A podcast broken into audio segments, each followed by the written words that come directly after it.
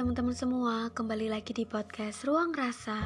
Aduh, udah lama banget nih nggak ketemu lagi. Jumpa lagi bersama aku di sini. Dan hari ini aku bakal bacain salah satu cerita dari pendengar podcast Ruang Rasa.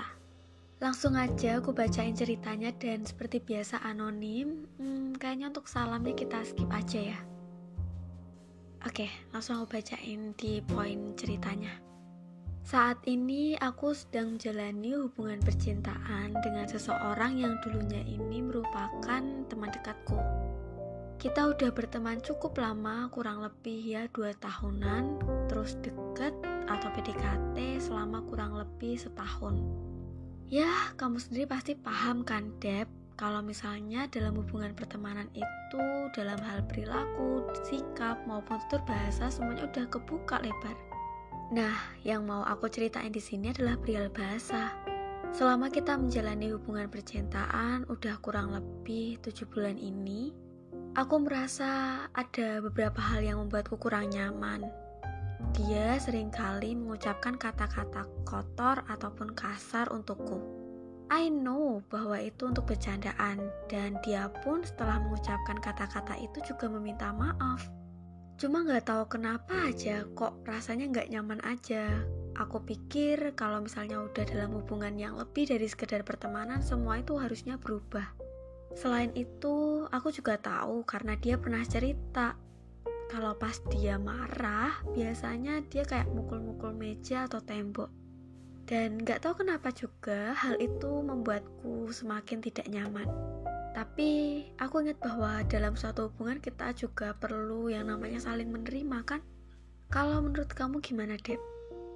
Jujur, ini adalah cerita yang sangat menarik buatku karena ada beberapa secuplik dari yang dia ceritain tuh pernah aku alami sendiri.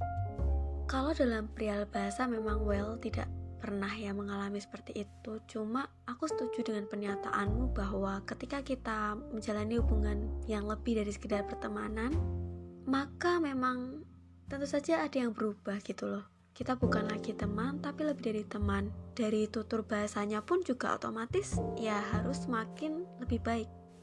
Cara kita berbicara kepada pasangan kita itu adalah salah satu cara untuk menghormati dan menghargainya meskipun kita paham atau tahu bahwa pasangan kita tuh nggak bakal sakit hati lewat kata-kata itu tapi menurutku kurang baik aja kalau misalnya kita ya tidak dipikir dulu dalam berucap.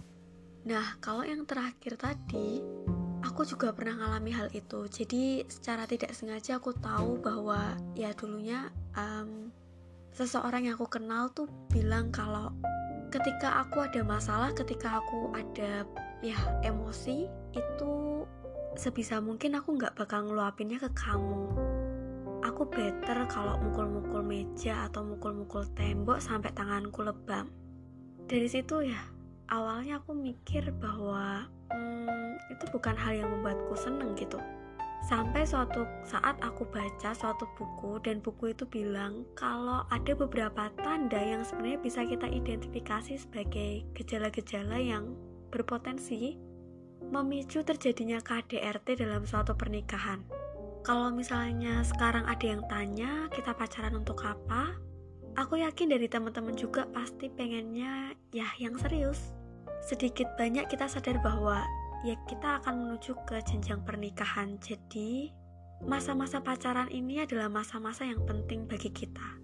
Dan ternyata ada beberapa hal yang bisa memicu KDRT bisa dianalisa sejak pacaran yang pertama memang dari gaya bahasa pasangan yang sering kali berbicara kotor ataupun kasar itu ternyata juga memiliki potensi besar um, terjadinya KDRT pada saat sudah menikah nanti tidak hanya itu pasangan yang kayak sukanya mukul-mukul meja itu beneran literally itu disebutin nih di buku yang aku baca itu juga sama besar potensinya terhadap KDRT yang sering kali terjadi.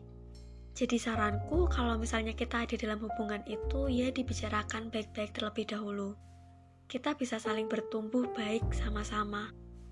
Asalkan itu adalah hal yang memang ya baik dan memang bisa kita ubah, kenapa tidak? Gak ada salahnya dan bahkan itu memang hak kita untuk saling mengingatkan satu sama lain kan? Jadi mungkin bisa dicoba untuk diingatkan. Hmm, kayaknya cukup itu dari aku.